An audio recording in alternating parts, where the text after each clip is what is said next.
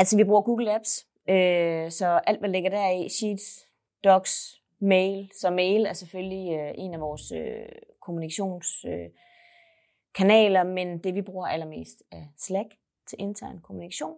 Øh, det er selvfølgelig både i form af chat, en til en, øh, som øh, fungerer rigtig godt, fordi vi sidder i åbne kontorlandskaber. Øh, det forstyrrer mindre. Øh, hvis folk ikke lige er på kontoret, eller du skal tale med nogen, der sidder i et andet land, øh, på en anden etage. Vi sidder på tre etager øh, her i Danmark, eller hvis det er, vi skal tale om noget, der er konfidentielt, øh, så er det et rigtig godt øh, værktøj til det. Øh, men vi bruger det også rigtig meget, de her øh, grupper og kanaler, man kan oprette derinde.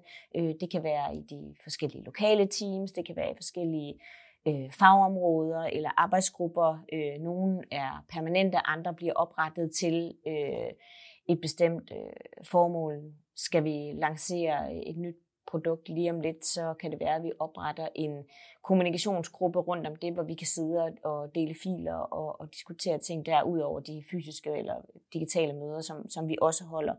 Øhm, men men øh, det fungerer rigtig godt for os, og ikke mindst fordi vi sidder øh, i så mange markeder og skal kommunikere øh, på daglig basis.